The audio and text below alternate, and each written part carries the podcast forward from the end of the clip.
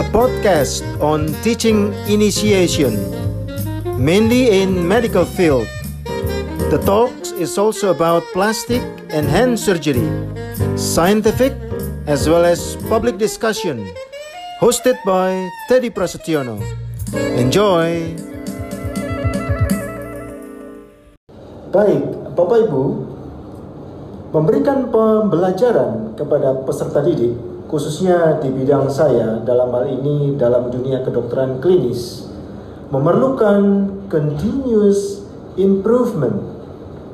Dan itu bisa dimulai dengan inisiasi, inisiasi yang dalam pandangan saya tidak harus merugikan peserta didik atau juga melanggar koridor-koridor dalam teknik pengajaran, pembelajaran, dan juga aspek pembelajaran dari peserta didik.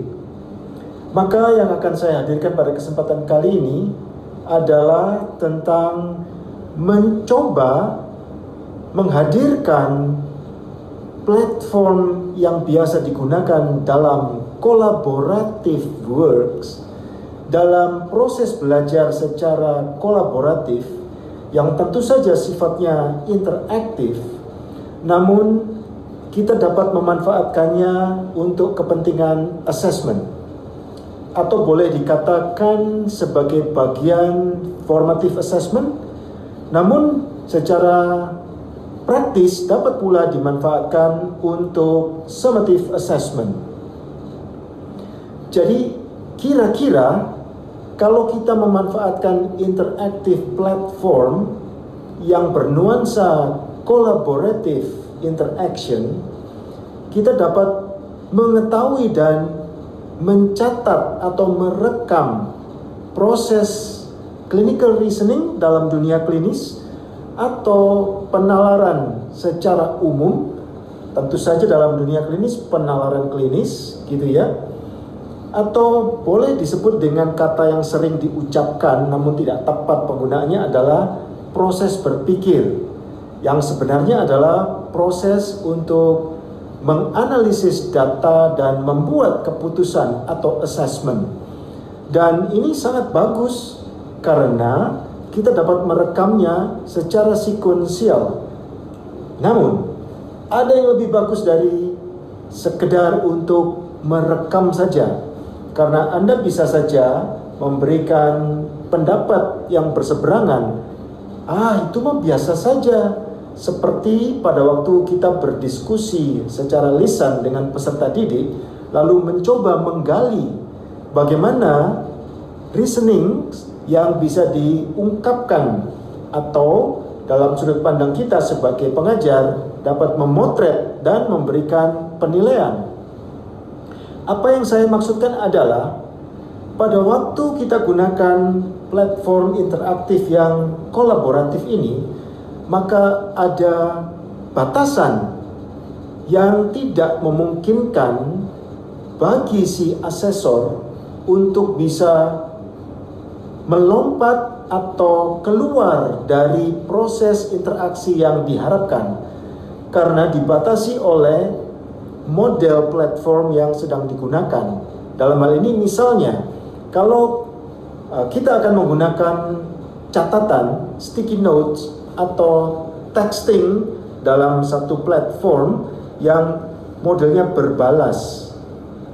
Nah, proses berbalas ini akan menghadirkan rem bagi para asesor yang biasanya baru menerima respon dari peserta didik pada waktu kita memberikan soal atau bertanya lalu menjadi melompat ke sana kemari karena si asesor kita terbiasa untuk spontan memberikan respon yang sering kali sifatnya negatif atau kurang konstruktif.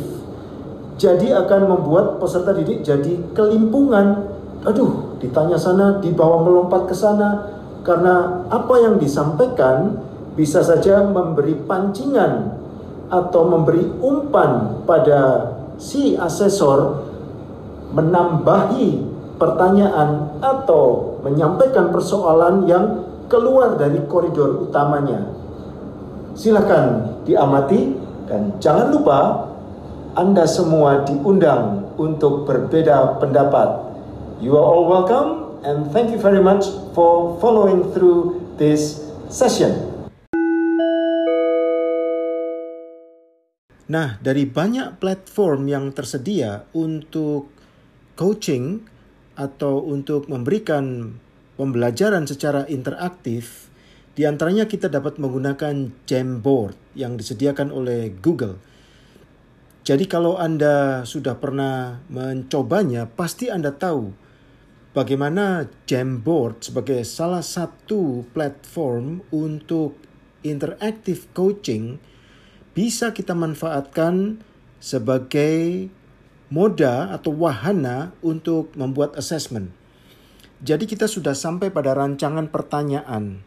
Pertanyaan itu sudah dibuat secara terstruktur sehingga seluruh aspek pengetahuan yang akan digali dari mereka yang sedang diuji atau diassess, dinilai, dievaluasi dapat terarah. Karena apa? Pertanyaan sudah dirancang sejak semula. Jadi misalnya kita dapat memanfaatkan sticky note dengan warna yang berbeda untuk asesor maupun untuk si uh, peserta didik yang sedang diakses. Jadi bisa dikerjakan tentu saja jelas ya melalui jarak jauh.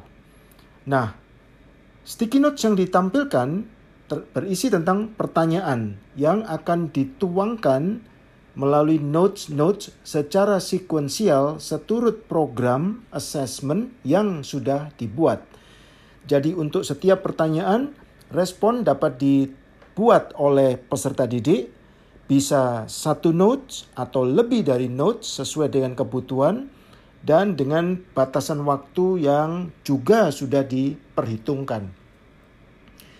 Dengan demikian apa yang dapat diamati jelas sekali kita tidak bisa keluar dengan modifikasi atas lompatan yang kita buat atau pertanyaan di luar rancangan ketika kita merasa tidak puas dengan atau tidak cocok dengan respon yang diberikan oleh peserta didik seperti kalau assessment dikerjakan secara oral.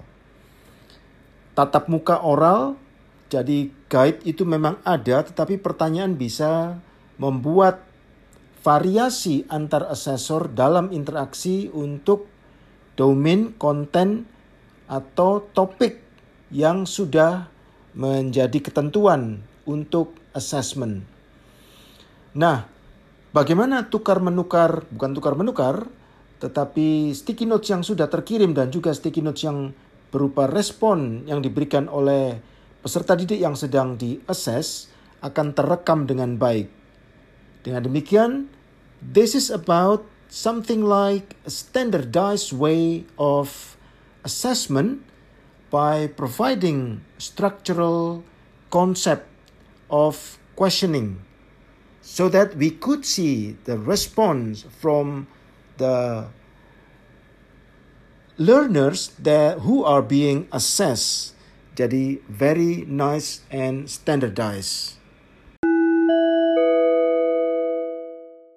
Sejawat sekalian, untuk melihat secara visual bagaimana contoh atau sampel structural questioning dalam interactive assessment itu dapat Anda akses kanal YouTube saya Teddy Prasetyono dengan title Interactive Assessment 1 It's about teaching initiation.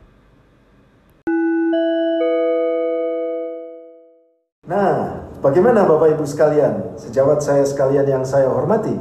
Anda sudah lihat bukan bahwa kira-kira sampel contoh yang sudah uh, Anda lihat tadi bisa memberikan gambaran kepada Anda, oh, memang benar, tidak mudah bagi si asesor untuk melompat ke sana kemari dari skenario assessment yang sudah ditetapkan atau dibuat. Jadi, ini juga dapat dimanfaatkan untuk tes sumatif. Tetapi buat saya sih, roh atau esensi dari proses pembelajaran adalah dalam proses. Dengan demikian, wonderful for formative assessments. Saya akan berjumpa lagi dengan Bapak Ibu sekalian. Salam sehat.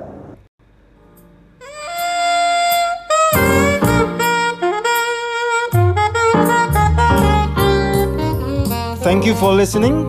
Make sure you let your colleagues know about this podcast. I will see you again